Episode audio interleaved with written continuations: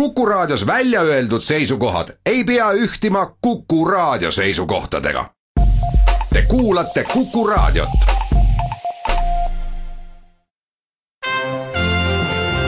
Tallinna Filharmoonia esitleb Filharmooniline huvitaja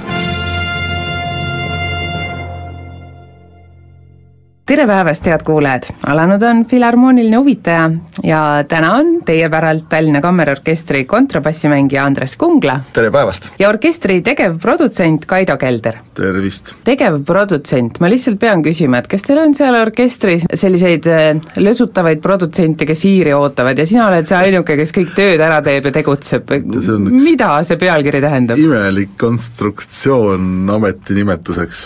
see on tõesti väga imelik. jah, see on vist paberi peal tähtsam kui tegelikkuses. Eesti keeles ei ole võib-olla häid vasteid mõnedele ametitele, et, et mul on olnud seal selle minu nime ees ka niisugune nimi nagu intendant ja siis on olnud veel manager ja siis midagi võib-olla veel, aga mingil hetkel tehti selline nimetus minu ametinimetuseks, nii et eks see tegevprodutsent on niisugune huvitav amet jah, et teed ja teed kogu aeg, töö otsa niikuinii ei saa, nii et no sinu puhul võib ju kohe öelda, et tuntud ka kui väga hea tšellomängija. seda on juhtunud jah, mõned, mõned ajad tagasi. see hea on subjektiivne, aga aga noh, loodame, et inimestele meeldis. Te olete Tallinna Kammerorkester.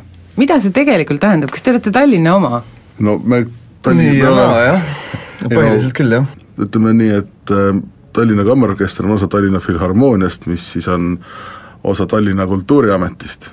ehk siis me oleme puhtalt linnaorkester selle, selles mõttes küll, et, et meie tööandja on Tallinna linn, jah. kuigi me teeme koostööd kõikide muude kontsertorganisatsioonidega nii siin Eestimaal ja samuti on meil ka kontakte väljamaal, kontserte on isingus peaaegu piiri. Aga mida see tegelikult tähendab nagu reaalselt igapäevatöös, milliseid äh, häid asju see kaasa toob ja milliseid kohustusi näiteks? minule kui mängijale on see töö täpselt samasugune, et ükskõik kelle alla me kuulume, et minu töö on pilli mängida, ma teen seda nii hästi, kui ma vähegi oskan, aga ma arvan, et see on just see, et mis sealt nagu edasi tuleb ja mis ennem seda, mis pärast seda, on natuke võib-olla erinev. nojah, seal äh, kui võrrelda Eesti orkestritega, siis Järsoole annab tööd Eesti riik, ehk siis Kultuuriministeerium. ja meie oleme siis seotud Tallinna linnaga rohkem, mis tähendab siis seda, et meil on teatud arv kontserte, mis on nagu seotud Tallinna linna üritustega, nagu näiteks Tallinna päev, siis on meil pargikontsert tulemas juunikuus, siis oleme osalenud Kultuuriööl ja on veel selliseid kontserte, mis siis on seotud, seotud nagu meie tööandjate erinevate üritustega et linna peale tulevad kõrged sõbrad küljest ja ütleb, et tulge poisid, mängige, et siis te peate minema, nii ka või no.? kui me oleme niimoodi kokku leppinud, näiteks meil on selline vastastikune kultuurivahetus, näiteks Peterburi linnaga me oleme käinud korduvalt nii-öelda Tallinna päevadel Peterburis ja samamoodi me oleme esinenud ka, kui on Peterburi päevad Tallinnas koos Peterburi solistidega näiteks. et sellist kultuurivahetust nagu teiste riikidega, nii et et see on jah, selline jah, oleme küll Tallinnaga seotud. aga sellist toredat vabadust on ju ka ikkagi luua ja teha. igapäevaselt, mitte keegi ei takista seda. linnaga koostöös on tulemas ka üks väga tore kontsert Kadriorus viieteistkümnendal juunil. mis see täpsemalt on? kui ma loen selle kontserti pealkirja, siis see on kaheksa aastaaega, ma tahaks kohe küsida, kas keegi on kuskil arvutusvea teinud või no tegelikult mitte, sest et kui on kaks lugu, mõlemas on neli aasta aega, siis teebki kokku kaheksa, igati loogiline. puhas matemaatika, neli pluss neli on kaheksa mis lood need on? üks on Vivaldi sulest ja teine on Piazzolla sulest. mõlemal on põhimõtteliselt pealkirjaks on aastaajad või siis üks, üks on aastaajad, teine on neli aasta aega. seal mõlemal on solistid ka. no solistid on meil head, siin ei ole midagi öelda, need tuleb lihtsalt ise üle kaeda, sest et see on midagi nii head koos, ma arvan, et tükk aega ei juhtu, sellepärast et nii kaks nii eredat karakterit, kes on Triin Ruubel ja Lasse Joamets, et neid kuidagi kirjeldama hakata, siis ma arvan, et sõnadest jääb kuidagi väheks, et neid peab lihtsalt ise oma ihusilmaga ära nägema kuulama ka. no ja just seda, seal on niisugune, ma arvan, et on nii, nii visuaalset kui ka niisugust niisugust mittevisuaalset asja sinna juurde. see, mismoodi nad juba visuaalselt mängivad, on võib-olla harjumuspärasest veidi nagu teistsugused. et nad on mõlemad hästi elavad ja samas täiesti erinevad, aga samas täiesti, mõlemad täiesti siirad selles, mis nad teevad. Lassega on selles mõttes meie orkestril ka nii-öelda töine kontakt, et Lasse on olnud Tallinna Kammerorkestri liige ja siis ta siirdus Soomemaale tööd tegema ja nüüd ta on Oulu sümfooniaorkestri kontsertmeister juba mitu aega.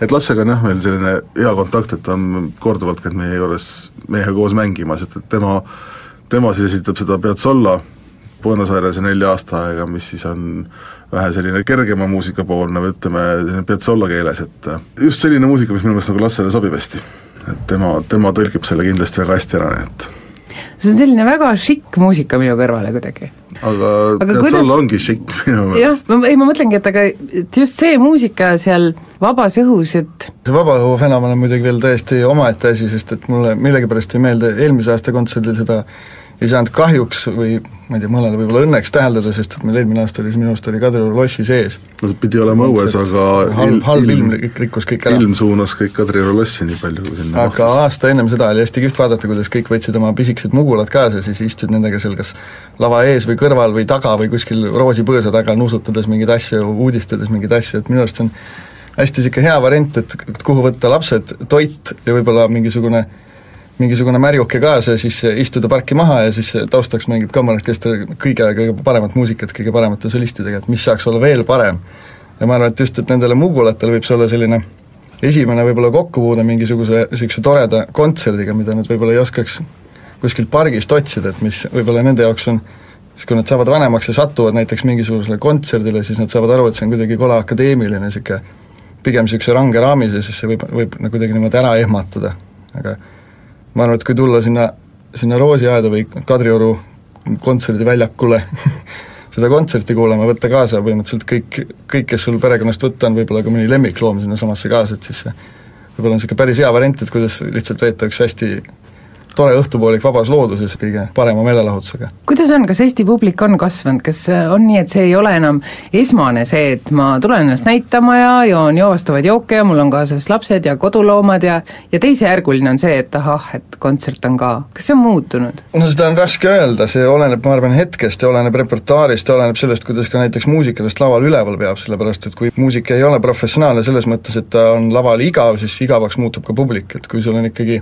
artist, kes annab endast no kõike rohkem veel, siis ma arvan, et ükski publik ei saa jääda ükskõikseks seda kuulates ja vaadates. no kindlasti on teil suur osa seal väga head publikut, kes ennast erakordselt hästi ülal peab, nagu nahkhiired ja kakulised ja veelinnud ja vabas looduses on kõik võimalik. jah selles mõttes, et pluss veel puud ja põõsad ja roosid ja kõik muud asjad sinna hulka, täpselt. Et me oleme loodusele avatud sellel päeval, ütleme nii siis.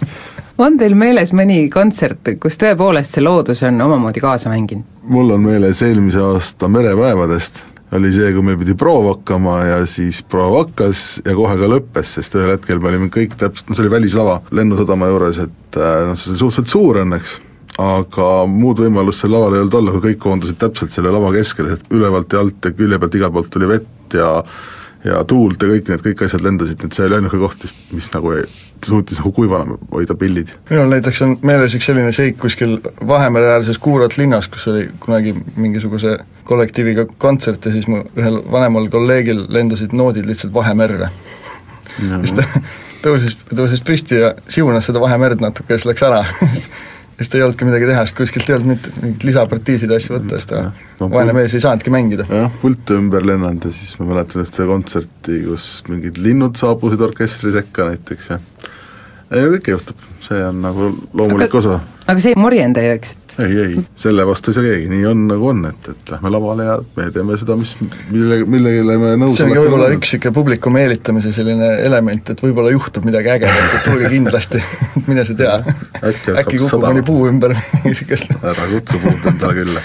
on väljas mängida raskem ka? seal on see spetsiifika, et et seal on veel üks vahendaja, ehk siis helitehnika, selliseid loomulikku akustikaga välikohti kontserdilavasid eriti ei ole, nii et kas orkestril on oma helitehnik sellisteks puhkudeks? meil on väga hea kontakt sellise helimeistriga nagu Tanel Kleesment. kes on täiesti super mees. see kahe aasta tagune kontsert, nüüd päris mitmed inimesed tulid pärast kontserti just ekstra kiitma seda heli, mis Tanel oli suutnud sealsamas kohas toota. nii et siis viieteistkümnendal juunil on oodata üllatusi ja ilusat muusikat ja ja head õhkkonda kindlasti, et Kadriorg on ju väga selline toreda olemisega koht iseenesest. jah, ma arvan, et äh, meeleolu aitab seal kontserdil ka meie dirigent äh, Risto Joost üleval hoida, et tema alati suhtleb publikuga väga hea meelega aga sellega ju üldsegi mitte ei ole nii, et algab suvi ja nüüd saab puhata ja mängida või siis teie puhul just vastupidi, saab mängida? mai alguses oli küll hooaja lõppkontsert, kuid äh, minu meelest see